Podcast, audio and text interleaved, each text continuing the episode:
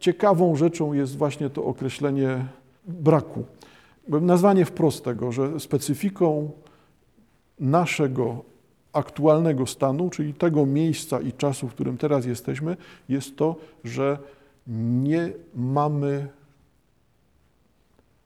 innych. Polacy od kilkudziesięciu lat nie określają siebie poprzez spotkanie z innymi kulturami, ludźmi, religiami. W ogóle tego wątku nie ma. Określamy siebie tylko przez samych siebie. A brutalnie mówiąc, jest to naprawdę bardzo zła sytuacja. No to nie, nie brzmi brutalnie, ale chyba opuściłem tutaj parę określeń. Yy, odkładamy. Sięgam jeszcze, proszę Państwa, stale do tego tomiku e, Hermes, Pies i Gwiazda, 57 rok, tak jak wspomniałem, e, jesteśmy w kręgu tych najbardziej znanych tekstów Herberta. No jednym z najbardziej znanych tekstów jest również proza poetycka, e, część należąca do części ostatniej tego tomiku, no, części tak właśnie nazywanej, czyli poza, no, zaryzykuję, połową tego tomu, większość, większą połową, tak elegancko powiem, zbierającą wiersze, no to mamy też część tego tomu o ogólnym tytule Proza poetycka i z tej prozy poetyckiej dwa przykłady jeszcze. Y, bardzo znany przykład, no i chyba tak właśnie stanowiący też jednocześnie podsumowanie tego wątku, wątku y, polskiego, do którego sięgnąłem przed chwilą. Proza poetycka nosi tytuł Kraj. Na samym rogu tej starej mapy jest kraj, do którego tęsknię. Jest to ojczyzna jabłek, pagórków, leniwych rzek, cierpkiego wina i miłości. Niestety, wielki pająk rosnął na nim swą sieć i lepką śliną zamknął rogatki marzenia. Tak jest zawsze. Anioł z ognistym mieczem, pająk sumienie.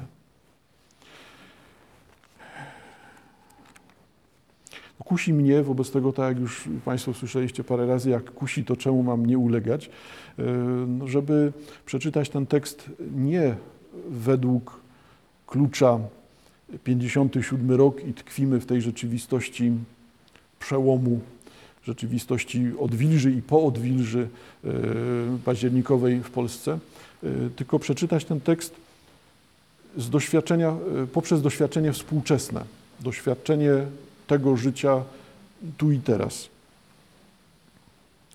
Na samym rogu tej starej mapy jest kraj.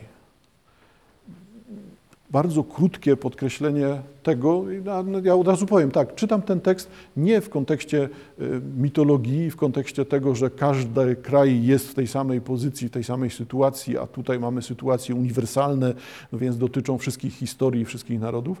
Nie, przeczytam ten tekst, czy postaram się go teraz właśnie przeczytać, zrozumieć, jako tekst dotyczący Polski od, od początku.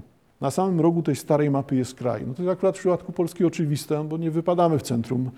Jeżeli mamy stare mapy, no to nie są to mapy polskie, wobec tego będziemy zawsze na skraju tej mapy. Tak, z prawej strony, raczej z niezbyt czytelną granicą, jeszcze dalej na wschodzie, zawsze tak samo. Na samym rogu tej starej mapy jest kraj, do którego tęsknię. Pojawia się wobec tego tęsknota jako rodzaj pewnego stanu psychicznego, wyrażenia poczucia braku. Tego, że nie jesteśmy tam. Ale pytanie, czy to jest chęć powrotu do czegoś, raczej tej, tego tutaj nie ma, raczej tylko to doświadczenie braku.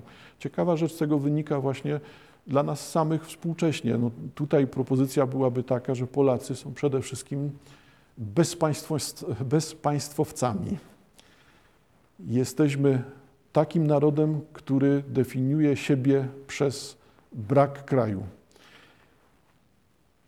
Im bardziej jesteśmy przekonani o byciu Polakami, to oznacza, tym dalej od naszego brzegu mapy jesteśmy, od naszego rogu mapy jesteśmy. Czyli największymi Polakami są ci, którzy są najdalej od tego kawałka mapy. No i to się, proszę Państwa, zgadza, tak. Najbardziej przekonani do swojej polskości są ci, którzy mieszkają w Stanach. Dość paradoksalne, Ale może to właśnie jest ta definicja polskości, innej może nie ma, może jest tylko ta. Jak wyobrażamy sobie tą ojczyznę? No znowu wyobraźnia, którą tutaj podsuwa Herbert, jest tą wyobraźnią stereotypową, wyobraźnią e, sielankową, taką właśnie, jak to Polska pięknie wygląda, sielsko, anielsko, Chopin, wierzba i, i tak dalej. No mamy ten sam ciąg znaczeń. Mm, jest to ojczyzna jabłek, pagórków, leniwych rzek, cierpkiego wina i miłości. No, w paradoksalny sposób, patrząc od końca na ten e, polski sentymentalizm, polskie przyzwyczajenie do, do pewnej postaci, wrażliwości, emocjonalności określającej miłość, e, no to, to też jest czymś, co jest dla nas specyficzne, pewne podejście do miłości. Jeżeli mamy wino, no to wino jest cierpkie i tak dalej. E, wobec tego mamy tą, e, tą krainę pragnień. Może też nie bez powodu na samym początku pojawia się jabłko, bo jak każda pragnień, kraina, kraina pragnień, kraina, którą, której byśmy oczekiwali, kraina, którą sobie wyobrażamy, czy do której tęsknimy, no to siłą rzeczy to będzie nas odsyłało do tej pierwotnej krainy, czyli patrzymy na wyobrażenie raju. No stąd jednak w tej wyobraźni rajskiej kraju e, będzie nic innego jak jabłko na pierwszym miejscu. A to, że raj znajdował się pomiędzy rzekami, wiemy i tutaj różne komentarze mogą się pojawiać, jakie to są rzeki, jaka jest usytuowanie tego raju biblijnego oczywiście. Odkładam. No ale mamy typową chyba znowu dla, e, konsekwentnie powiem dla Polski, chociaż rozumiem też, że są możliwe inne odczytania, mamy konsekwentnie prowadzoną sytuację, niestety, E, niestety jest słowem, które bardzo dobrze oddaje charakter Polski. Charakter Polski jako państwa, ale charakter no, przede wszystkim nasz jako Polaków, tak, bo nie chcę tutaj widzieć w Polsce postaci. E, Polak jest to stworzenie niestety. E, oczywiście Polak osiągnąłby sukces na świecie niestety. Polak zaczął prowadzić interes Niestety. E, Polak spotkał miłość swojego życia, niestety. E, jest to coś, znaczy niestety oznacza dla mnie teraz e, wielokropek i wstawiamy sobie swoją końcówkę tej opowieści. Stąd doświadczanie świata przez niestety bardzo celnie nas charakteryzuje. Tyle bym dzisiaj osiągnął, niestety wstałem zbyt późno. To jest to, co bardzo celnie i bardzo zgrabnie podsumowuje nas z naszą mentalnością, sposobem życia, albo użalania się nad sobą, albo szukania dziury w całym, albo odkrywania tego, że e, wszystko byłoby pięknie, tylko nas inni zniszczyli, bo my byliśmy e, zbawcami, stwórcami, noblistami i wszystkim innym, e, ale do szkoły mieliśmy podgórkę. Albo jeszcze lepiej, niestety do szkoły mieliśmy podgórkę, nic takiego nie zaistniało no, bardzo ciekawy sposób, jak jedno słowo może zawierać w sobie mentalność. Tutaj niestety prowadzi nas do dziwnego czynnika, który jest zewnętrzno-wewnętrzny. No bo co sprawiło, że, że niestety tak wygląda nasze życie? Niestety wielki pająk rozsuł na nim swą sieć no to rozsnuwający sieć wielki pająk, oczywiście, że możemy rozumieć, że jest to jakieś zagrożenie zewnętrzne, izolacja, siła, e, zła moc, e, zło świata, e, albo mówiąc inaczej, jakiś totalitaryzm w którejś postaci kolejnej, albo jeżeli ktoś jest taki zaciekły, to powie, że i komunizm, a w ogóle to Moskwa jest tym pająkiem. Zauważcie Państwo, że tutaj to wspólność tej tej wyobraźni rzeczywiście się pojawia, bo myślę, że wszystko to, co powiedziałem, jest dość oczywiste. Y, a ja bym wolał to odwrócić i wolałbym zobaczyć to jako cechę wewnętrzną. Czyli niestety jest w nas samych coś takiego, co tutaj wizualnie staje się tym pająkiem, staje się budowaniem pajęczyny, którą tutaj rozumiałbym jako rodzaj odgradzania się izolacji, budowania muru pomiędzy nami a innymi. Wielki pająk rosnął na nim swą sieć. Lepką śliną zamknął rogatki marzenia. To, co tkwi w nas samych, to, co jest częścią nas, Czyli tutaj nie rozumiałbym tego pająka jako coś, czegoś obcego, tylko rozumiałbym jako część konstytuującą, tą część, która nas buduje, tą część, która nas tworzy, przynależy do nas. Nie możemy tego pająka odrzucić.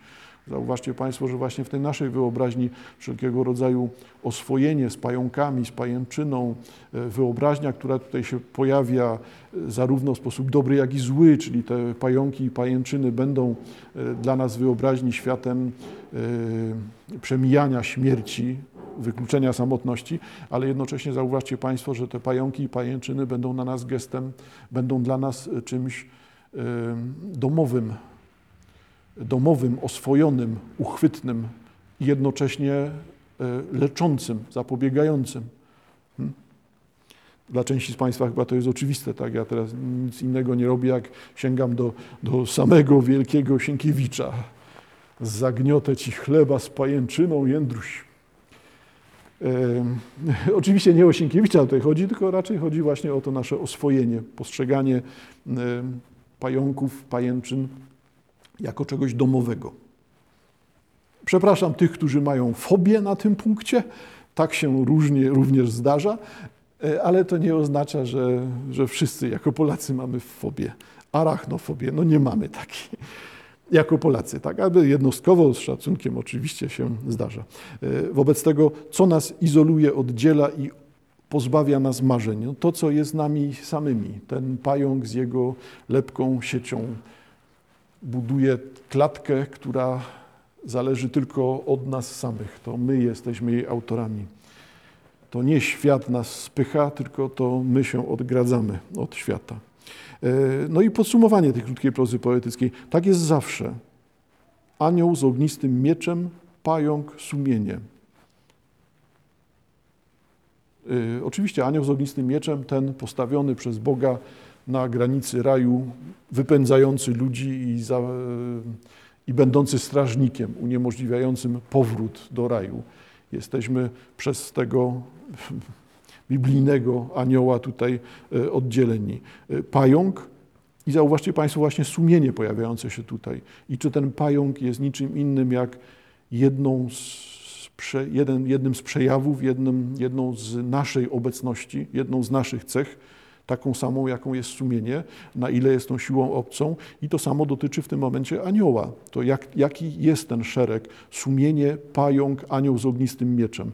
Czy mówimy tutaj o tym, co jest zewnętrzne, anioł, zewnętrzne, pająk i sumienie, no i tu się zawaham, czy nie podwójne, Sumienie rozumiane jako zbiór norm moralnych, zasad, przykazań mm, byłoby budowane na czymś zewnętrznym, no jednak samo sumienie jest czymś wewnętrznym, chociaż opartym na tych czynnikach zewnętrznych. E, stąd zauważcie Państwo ten kraj, rozważanie jego granic, jego usytuowania, jego miejsca na mapie, albo inaczej naszego miejsca na Ziemi, obraca się znowu w kręgu tych doświadczeń ostatecznych. To jest znowu coś, co byłoby ciekawe, na ile właśnie to wyobrażanie sobie, że Polska, Polskę, polskość nas jako Polaków określa relacja wobec anioła z ognistym mieczem, czy to oznacza, że jesteśmy przeklęci, że jesteśmy odcięci, jesteśmy wygnańcami? No tak, no zauważcie Państwo, że, że to by pasowało do dużej części historii. E, czy to oznacza, że jesteśmy grzesznikami niegodnymi powrotu? I to jest ten ciąg dalszy. Anioł uniemożliwi nam powracanie, pająk będzie tą siłą albo naszą, albo zewnętrzną, która nas odizoluje, zamknie w klatce i zostanie tylko zmaganie się z sumieniem, zmaganie się z samym sobą. Tylko pytanie, czy istnieje sumienie w tym kontekście? Czy to nie jest tak, że skoro zamknęliśmy siebie siecią, śliną, postawiliśmy anioła i, i, mamy tego pająka, który nas izoluje. Pytanie, czy w ogóle istnieje jeszcze coś takiego jak sumienie? Czy może być sumienie określane wobec, które określa siebie wobec samego siebie, Wracam do tego, o czym wspomniałem wcześniej w poprzednim tekście. Czy cechą specyficzną Polaków współcześnie żyjących nie jest właśnie ta absolutna izolacja, sprzężenie zwrotne, patrzenie tylko na swoje własne odbicie? Oczywiście, że jestem najpiękniejszy i najinteligentniejszy z wszystkich ludzi w tym pokoju, bo jestem w nim sam. Logiczne zdanie. Może tak należy samego siebie oceniać. Zdrowe podejście, dające samo zaspokojenie, niestety nieelegancko tak to brzmi. Czyli proza poetycka kraj jak najbardziej. Zauważcie oczywiście Państwo, że można rozumieć to egzystencjalnie, jako sytuację człowieka w ogóle, jako sytuację każdego narodu, no skoro w tytule jest kraj, a, a nie e, osoba, no to będziemy czytali to siłą rzeczy narodem, krajem. Do wielu państw by to pasowało, no ale czytajmy to sobą. E, pozostaniemy w kręgu prozy poetyckiej, ale zmieniam tomik teraz. E, studium przedmiotu, rok 61 tomik zatytułowany Studium Przedmiotu z roku 1961. Proza poetycka, żeby tylko nie anioł. Będziemy w kręgu tej samej wyobraźni dyskusji z aniołami, z anielskością. Anioł, czy to jest do, coś dobrego, czy to jest coś złego, czy to jest coś wewnętrznego, czy to jest coś zewnętrznego, czy to jest tylko proteza wyobraźni, czy to jest wskazanie na istniejącą rzeczywistość. Wszystkie te znaczenia będą aktualne. Żeby tylko nie anioł. Jeśli po śmierci zechcą nas przemienić w zeschły płomyczek, który chodzi po ścieżkach wiatrów, należy zbuntować się. Na nic wiekuisty wypoczynek na łonie powietrza, w cieniu żółtej glorii, wśród mamrotania dwuwymiarowych chórów. Trzeba wstąpić w kamień, w drzewo, w wodę, w szpary furtyn. Lepiej być skrzypieniem podłogi niż przeraźliwie przeźroczystą doskonałością. I zauważcie Państwo, że mm, sięgnęliśmy do trzech tomików Herberta, y, Struna Światła, Hermes, Pies i Gwiazda i teraz Studium Przedmiotu i mamy konsekwentnie tak samo podejmowaną wyobraźnię dotyczącą, y, dotyczącą anielskości, czy też personifikacji y, aniołów. Pierwsza część tej prozy poetyckiej określa nam to, czym. Jak wyglądają aniołowie, jak są postrzegani, rozumieni, obecni aniołowie, ale jednocześnie od razu pojawia się ocena tej sytuacji. Jeśli po śmierci zechcą nas przemienić w zeschły płomyczek, no to jest przecież ocena od razu. Nie, że zamieniamy się w anioły po śmierci, tylko będziemy zeschłymi płomyczkami. Będziemy tymi zniszczonymi, wysuszonymi, pozbawionymi treści jakimiś osobami, przedmiotami, jeśli zechcą nas przemienić w zeschły płomyczek, który chodzi po ścieżkach wiatrów, przestaniemy mieć cielesny charakter, staniemy się duchami, które, którymi wiatr miota. Tak. Druga część dziadów Mickiewicza. Dziewczyna unosząca, unoszona przez wiatr. Zespół płomyczek, który chodzi po ścieżkach wiatrów, należy zbuntować się.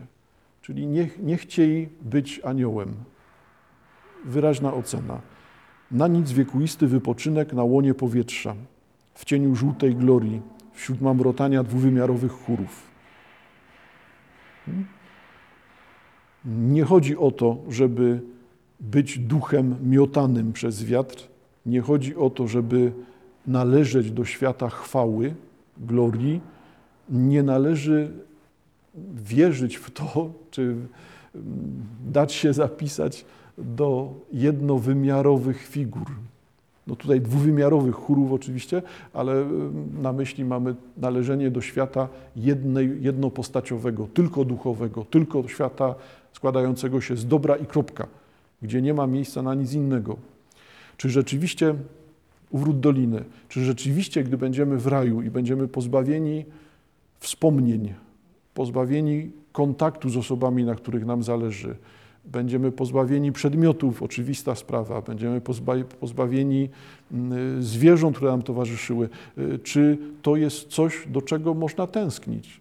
Czy ten rodzaj wyprania nas samych siebie, ten rodzaj usunięcia z nas fizyczności, usunięcia z nas tego, co czyni nas ludźmi, czyli całej tej sfery y, cielesności, materialności, grzeszności. Y, co pozostaje, jeżeli usuniemy to wszystko?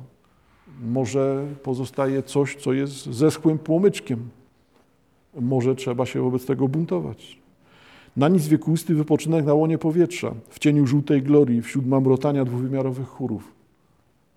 Po co nam to wszystko? To nie będziemy my. Trzeba wstąpić w kamień, w drzewo, w wodę, w szpary furty. Czyli trzeba zaistnieć w świecie materialnym, trzeba rozumieć nasz związek ze światem materialnym. Trzeba rozumieć to, że tworzy nas to, co należy do tego świata, z którego się wywodzimy, a nie jesteśmy tutaj duchami z zewnątrz, tylko jesteśmy istotami, które należą do tego świata, biologicznymi, wynikającymi z tego świata, będącymi częścią tego właśnie świata, a nie marzenia o tym, że jest inny świat. Lepiej być skrzypieniem podłogi niż przeraźliwie przeźroczystą doskonałością. Celowo pokazuje tutaj, ostatnie zdanie myślę oczywiste, tak? Lepiej być w świecie materii niż być czystym, doskonałym, wiecznym, co nie będzie miało w sobie tego skrzypienia podłogi, jednocześnie i, głosu, i przedmiotu. Oczywisty jest sens tego zdania. No, oczywiście, że to nie jest tak, że ten tekst jest tekstem e, apologia materializmu. To nie na tym polega. To są teksty, jak każdy tekst Herberta, oparte na graniu, oparte na różnicy znaczeń. Czyli mamy zaktualizowaną, podaną nam, przypomnianą całą sferę wyobrażeń, całą sferę y, związaną z tym, że człowiek dąży tradycyjnie do uwolnienia się od świata materii, świata cielesnego, do wkroczenia świata duchowego, do stania się istotą doskonałą. I nasze życie jest niczym innym jak drogą do doskonałego y, przebywania z Bogiem przez wieczność. To jest ta wyobraźnia, która w tej części kuli ziemskiej pojawia się jako wynik mm, zasad czy wyobrażeń y, judeochrześcijańskich. Wobec tego to jest to, co jest fundamentem. I ten fundament rzeczywiście jest nienaruszalny. Ten fundament y, jeszcze ma się mocno. W różny sposób ludzie się od niego odnoszą, w różny sposób wyciągają z tego praktyczne wnioski i je realizują. To jest odmienny temat, y, ale istnieje. Y, wobec tego, jak uderzyć w to, co ma charakter tak nienaruszalny? No, trzeba uderzyć mocno. I dlatego to jest tak jednoznaczny tekst, tak mocno pokazujący, że brakuje nam rozumienia związku z tym, co materialne, albo brakuje nam dostrzeżenia tego, że to, co materialne, to, co jest cielesne, to, co jest tradycyjnie nazywane grzechem, jest niczym innym jak drogą do samych siebie, drogą do odkrycia spełnienia, realizacji samego siebie, ale ja rozumiałbym to jeszcze krok dalej, czyli drogą do bycia kimś więcej niż ja sam, do przekroczenia siebie i znalezienia się w tym miejscu, w, tym, w tej części swoich dziejów, który będzie jeszcze dalszym, jeszcze bardziej innym, jeszcze bardziej niespodziewanym, czyli jest to możliwe, tylko naszą cechą, cechą języka, cechą sztuki, cechą refleksji tego typu jest właśnie odkrywanie tej niemożności, odkrywanie tego zderzenia się z czymś, co jest nieuchwytne, albo czegoś, co jest tylko projektowane. My możemy założyć, możemy wyobrazić sobie, możemy omówić to, jak to ma wyglądać, to kim ja będę po e, opuszczeniu świata materialnego, e, ale jednocześnie to jest rodzaj pułapki, tak? ponieważ będziemy mówili o czymś, co zostaje całkowicie poza słowami, poza aparatem pojęciowym. Wobec tego jest nieredukowalne do do słów, nieredukowalne do języka. Jest czymś, co nas przekracza. E, stąd wszelkiego rodzaju napięcia pomiędzy tym, co duchowe, a cielesne, tym, co przeszłe, teraźniejsze, e, tym, co zwykłe, codzienne, a e, wzniosłe, wyniosłe, jest rzeczą charakterystyczną dla Herberta, typową dla jego wierszy, widzieliście Państwo w tej części, w tych kilku tekstach. Ale zauważcie Państwo, że to bardzo ładnie gra, już na koniec dzisiaj tylko zauważę, bardzo ładnie gra, pasuje. Odsyłam do eseistyki Zbigniewa Herberta. To są naprawdę bardzo cenne rzeczy, bardzo wartościowe karty literatury polskiej. Tam wielokrotnie będziemy widzieli właśnie te same sytuacje, że język sztuki, a czy to jest malarstwo holenderskie, czy to, jest, czy, czy to są malowidła naskalne, prehistoryczne, to będzie miało znaczenie dla samej wypowiedzi, ale będzie zapisem tego samego fenomenu. Człowiek stara się poprzez sztukę, poprzez to, co widzi wokół siebie, odkryć to, co wydaje się dla niego niedostępne. Znowu cechą charakterystyczną człowieka jest ten moment przekraczania ten moment, kiedy zderzamy się z tym, co jest za duże dla nas, ale to zderzenie, to poczucie rozdarcia, to odkrycie przepaści, uświadomienie sobie z tego, chociaż tego, w jakim miejscu jesteśmy, w jakiej sytuacji, chociaż wydaje się bezowocne, jest wartością samą w sobie. Wobec tego, czym jest malarstwo holenderskie, czy też te prehistoryczne malowidła? Zapisem tego samego zderzenia. Są to niby ilustracje codzienności, no bo co jest w prehistorycznym malarstwie? Gonienie za zwierzętami z oszczepem, zabijanie zwierząt, wszelkiego rodzaju tematy związane z, oczywiście z płodnością i śmiercią. E, wszystko to będzie tam występowało, ale zauważcie Państwo, że każdy temat w malarstwie holenderskim, a na myśli malarstwo XVII-wieczne opisywane przez Herberta, e, będzie taką samą refleksją. Jeżeli nawet na stole znajdują się dwa, trzy przedmioty, jeden owoc, trochę jedzenia i niedopity kielich z winem, teraz hipotetycznie zakładam jakiś obraz, E, chociaż składa się on z motywów powszechnych, e, no to nie oznacza, że jego sens wyczerpuje się na ilustracji. To jest znowu zapis czegoś, co jest poza obrazem, czegoś, co jest poza słowami, no ale tak naprawdę czegoś, z czym każdy z nas musi zmierzyć się sam.